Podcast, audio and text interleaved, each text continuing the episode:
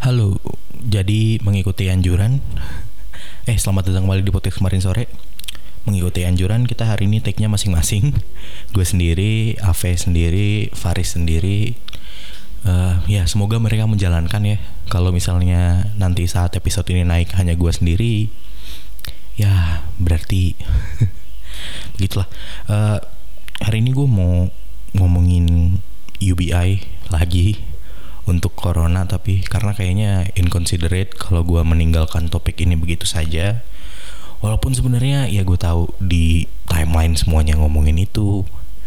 Pulang ke rumah orang tua juga ngomongin itu. Tapi ya ya kayaknya in inconsiderate kalau ditinggalkan. Tapi gue coba bahas dari angle di mana mungkin ya uh, tidak akan dibahas oleh orang-orang lain karena mereka tidak sotoy uh, kayaknya semua kehebohan ini tidak akan terjadi kalau kita tidak melewatkan fase yang paling penting itu fase awal, fase tracing saat uh, yang terkena masih sedikit masih bisa diikuti uh, pergerakan mereka ke mana, melakukan kontak dengan siapa aja, kemungkinan penularan paling besar di mana. Tapi uh, di awal kita tahu pemerintah kita gagap, Hmm, dan sepertinya fase ini sudah dilewatkan dengan jumlah kasus yang sudah besar, sudah ratusan, tiga ratusan, empat ratusan, dengan uh, death rate-nya sekitar 8%, angka kematian lebih tinggi dibanding angka yang sembuh. Uh, tapi itu angka di awal ya, jadi kalau pakai percentage kayaknya kurang bisa menggambarkan. Tapi fase ini sepertinya sudah dilewatkan, mau nggak mau kita masuk ke fase berikutnya di mana uh, rapid test harus dijalankan mau lockdown ataupun tidak lockdown, uh, lockdown akan lebih bagus karena di tahap seperti ini kayaknya kita harus menganggap diri kita udah terinfeksi sehingga kita harus berhenti menularkan infeksi ini terhadap orang lain.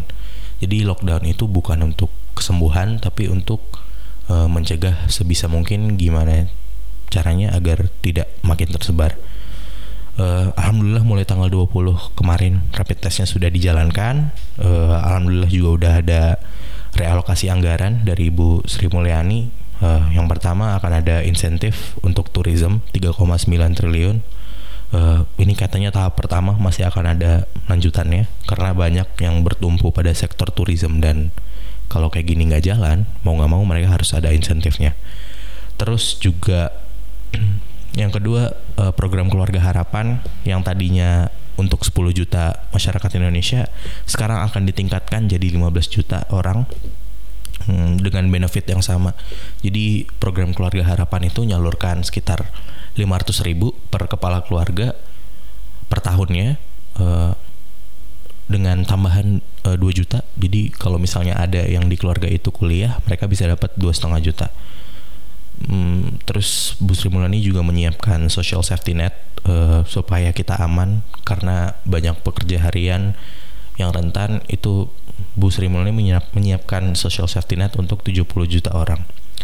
Terus yang ketiga uh, akan ada tambahan insentif 10 triliun untuk kartu prakerja juga akan ada 6,1 triliun untuk asuransi tenaga medis uh, dan 3,3 triliun untuk disiapkan untuk BNPB dan uh, juga akan ada alokasi ulang dana desa sebesar 72 triliun. Nah, sebenarnya podcast ini akan lebih membahas ke universal basic income lagi-lagi kayak yang gue omongin barang AV 2 sampai 3 minggu yang lalu. Menurut gue ini yang paling penting buat di buat di apa ya, di advokasi beberapa minggu beberapa hari ke depan. Karena kalau ngelihat realokasi anggaran dari Bu Sri Mulyani kayaknya nggak akan cukup ya. Kalau lihat dari angka sih masih belum cukup. Karena ada komentar uh, misalnya ini program keluarga harapan yang tadi 500 ribu dan 2 juta bila anaknya berkuliah dan diinfuse sekali atau hanya diberikan sekali. Yang pertama kita nggak tahu krisis ini akan sampai kapan. Krisis ini dimulai dengan dat ketidakcukupan data uh, persebaran grafik persebaran kita yang melonjak begitu saja tanpa kita tahu arah persebarannya gimana. Dan kita tidak tahu krisis ini bisa diakhiri dengan apa karena kita masih belum punya gambaran data lagi-lagi grafiknya di mana bisa dilihat grafiknya menurun. Kita belum punya rumusan untuk menggambarkan grafik persebarannya itu. Hmm, dan kabar buruk lainnya adalah virus ini bisa tektok gitu. Artinya seseorang yang sudah terkena masih bisa menularkan dan dia masih bisa tertular kembali. Artinya udah sembuh masih bisa kena lagi. Kita nggak tahu krisis ini akan sampai kapan. Dan 500 ribu sekali infuse untuk sesuatu yang vaksinnya baru akan ditemukan satu setengah tahun ke depan. Artinya kita baru akan bebas corona kalau semua COVID-19, sorry, kita baru akan bebas COVID-19 itu satu setengah tahun ke depan dan hanya jika semua orang divaksin.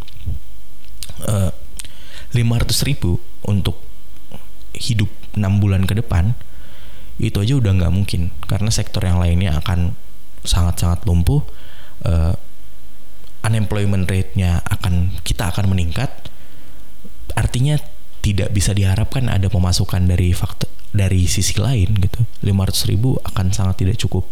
Apalagi dan social safety net tadi yang untuk 70 juta orang kayaknya akan ada di angka segitu juga. Terus ada yang bilang kita harus ningkatin ini 100 kali lipat. Tapi skala APBN negara setahu gue itu ada di 1700 sampai 2000 triliun.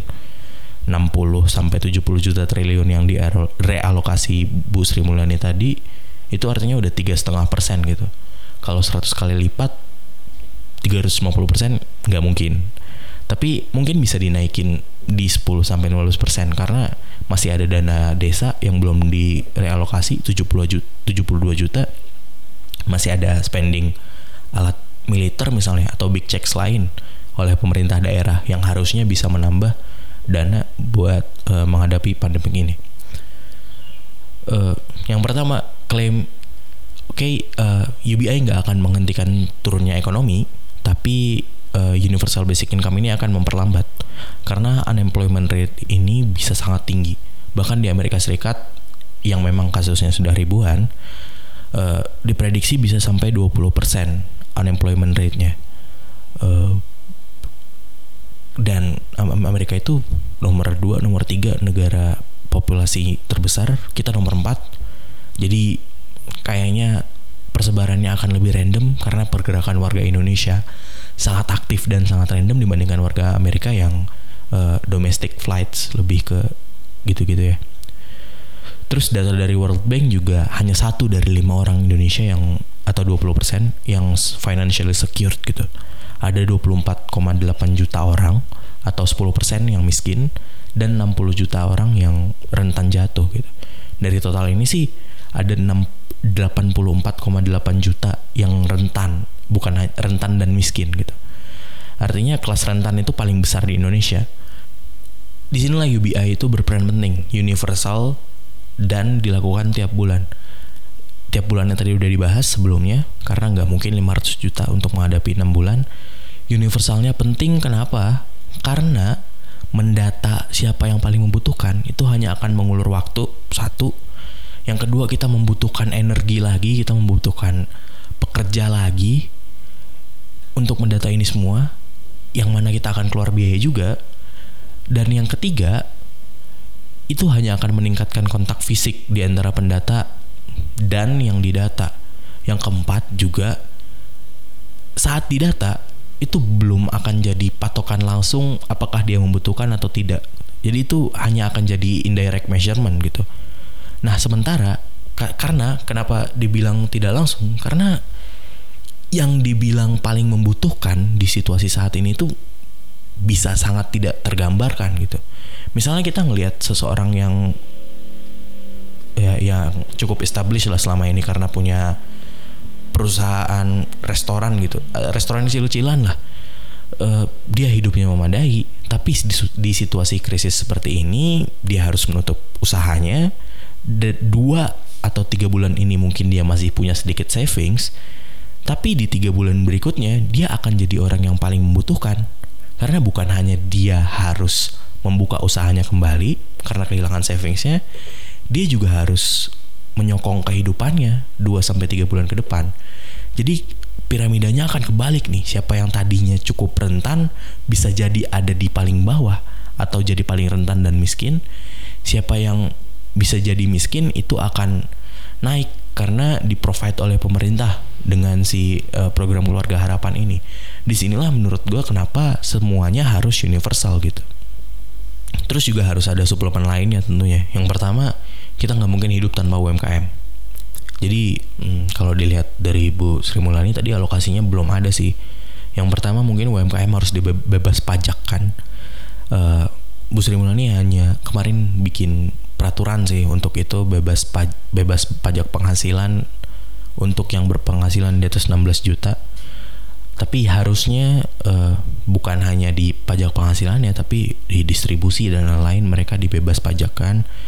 Terus juga bila perlu diberikan stimulus agar mereka bisa berfungsi. Kalau kita bisa memberikan stimulus untuk airlines atau layanan penerbangan yang kemarin udah disepakati tuh mereka semua minta stimulus agar bisa berjalan airline-nya dengan normal saat situasi kayak gini harusnya kita nggak pikir dua kali buat UMKM karena UMKM yang akan menyangga ekonomi kita. Terus juga harus ada kontrol ulang alur hutang bank gitu. Ada beberapa yang ada beberapa negara bahkan menghadapi ini dengan bebas tagihan listrik bebas tagihan air. Kita harusnya nggak mempunyai kesulitan itu karena air listrik dan beberapa komponen penting itu udah dikelola oleh negara dalam hal ini BUMN jadi Pak Erick Thohir daripada Anda kirim-kirim SMS dari BNPB dengan hashtag BUMN ada untuk Indonesia, mending gimana kalau dibebaskan aja? Uh, ya ini sebenarnya sekedar apa ya? Sekedar harapan gitu karena ngelihat di Amerika uh, Donald Trump aja bisa belok dari yang menegasikan semua kebutuhan ini jadi mendorong mengirimkan cek 1000 dolar ke setiap orang dewasa di Amerika dan 500 dolar untuk anak-anak gitu. Uh, apalagi Pak Jokowi yang di 2012 seorang satria peningit, 2014 harapan bangsa. Masa nggak bisa diharapkan untuk melakukan sesuatu yang lebih progresif sekedar rapid test gitu. Dari hanya sekedar rapid test. Uh, itu aja. Kalau ada Ave Faris mungkin nanti nyambung ke Ave Faris kalau nggak ada ya berarti episode ini cukup sampai di sini. Terima kasih